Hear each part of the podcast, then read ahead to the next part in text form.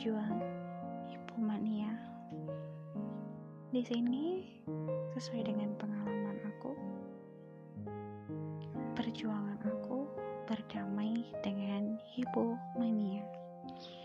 Buat kalian semua yang nggak tahu apa itu hipomania, hipomania itu adalah perubahan mood swing yang parah yang secara mendadak atau hipomania juga biasa disebut dengan bipolar 2 disorder. Aku adalah seorang pengidap hipomania. Berapa lama aku berjuang hipomania? Berdamai dengan hipomania. Tak terhitung waktunya. Setiap hari aku selalu berusaha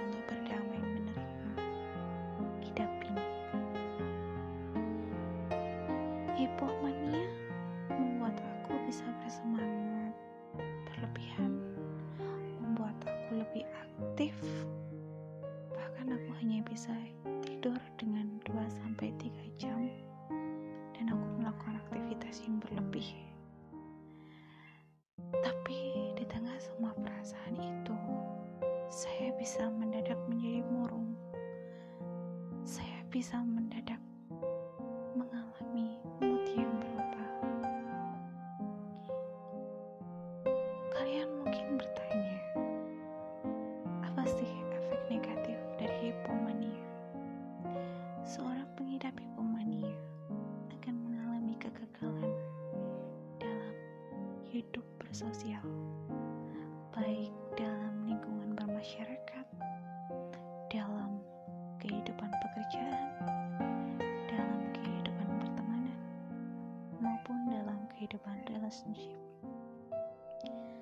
Ketika kita pengidap hipomania tidak bisa mengkontrol emosi kita, kita bisa kehilangan orang-orang yang kita cintai.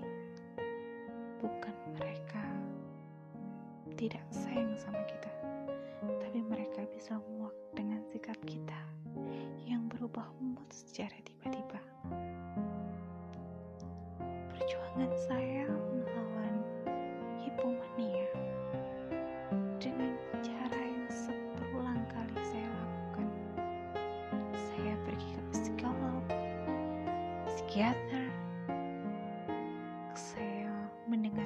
Musik hipnoterapi.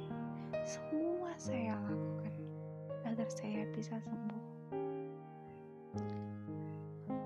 Perjuangan hipomania yang saya alami adalah ketika di mana titik saya kehilangan orang yang kita sayangi.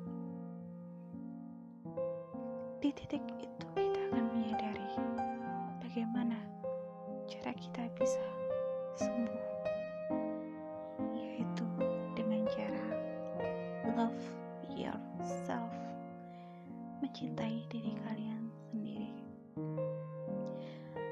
Hipomania adalah penyakit dari kita sendiri.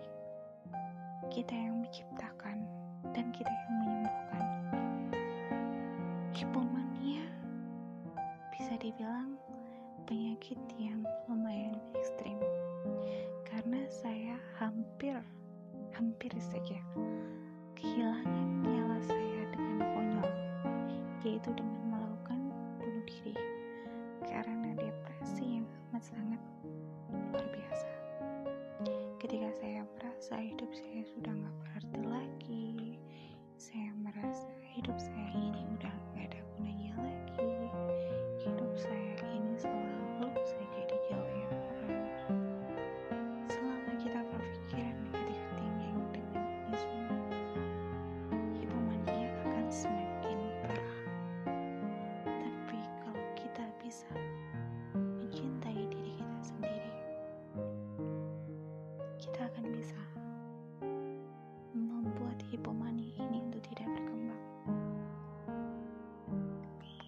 mencintai diri kita sendiri.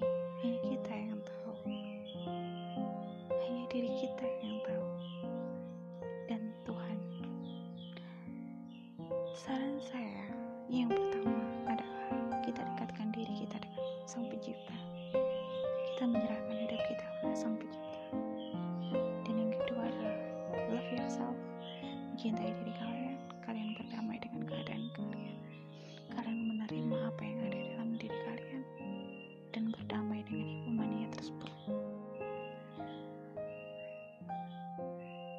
uh, hipomania bisa disebabkan karena faktor genetik faktor lingkungan.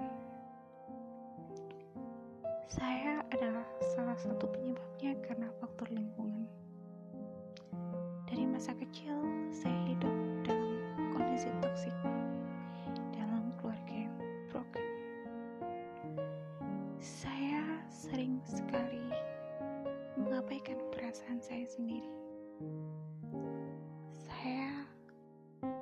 di usia kanak-kanak selalu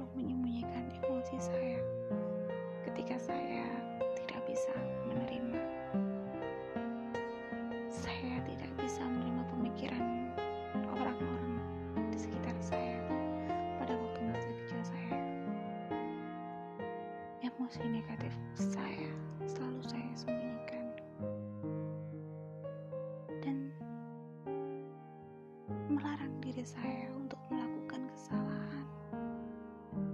Ini dia saya alami ketika saya memasuki dunia pekerjaan.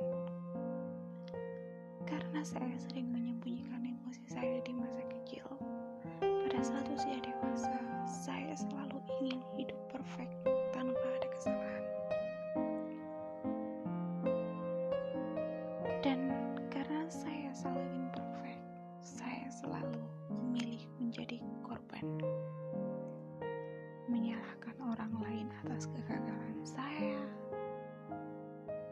Simpel, kita sering melakukan kesalahan jika kita telat kerja, kita menyalahkan kemacetan, kita menyalahkan apa. Itu adalah kita memilih untuk menjadi korban. Menyimpan dendam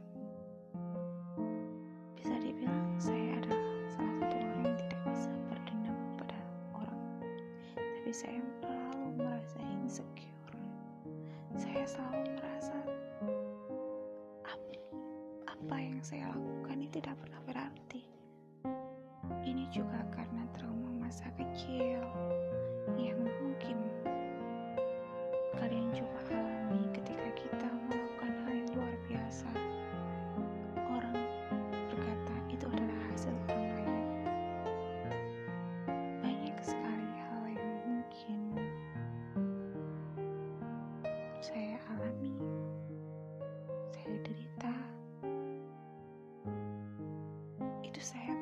sadar sekarang di usia saya yang sudah 28 tahun.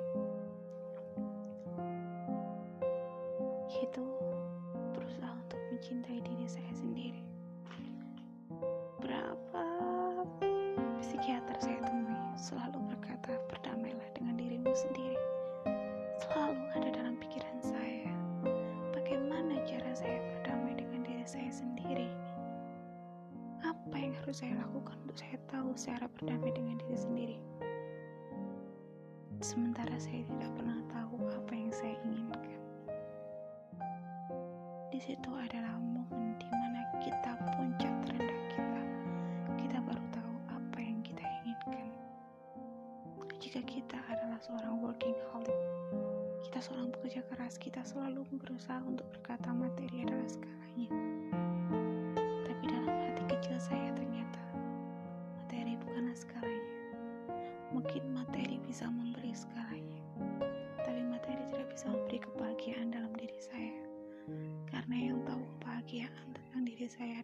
Saya sendiri. Kebahagiaan saya ada dalam diri saya sendiri. Cinta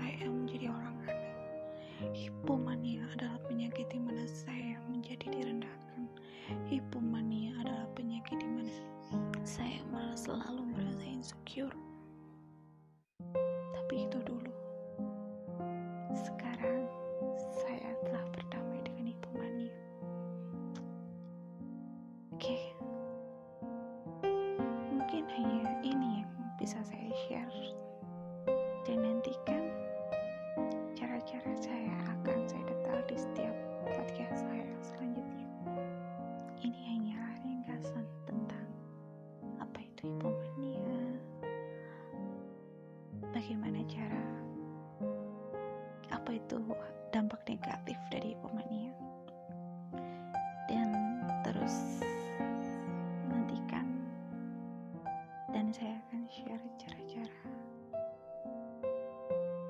berdamai dengan hipomania hingga saya sembuh dari hipomania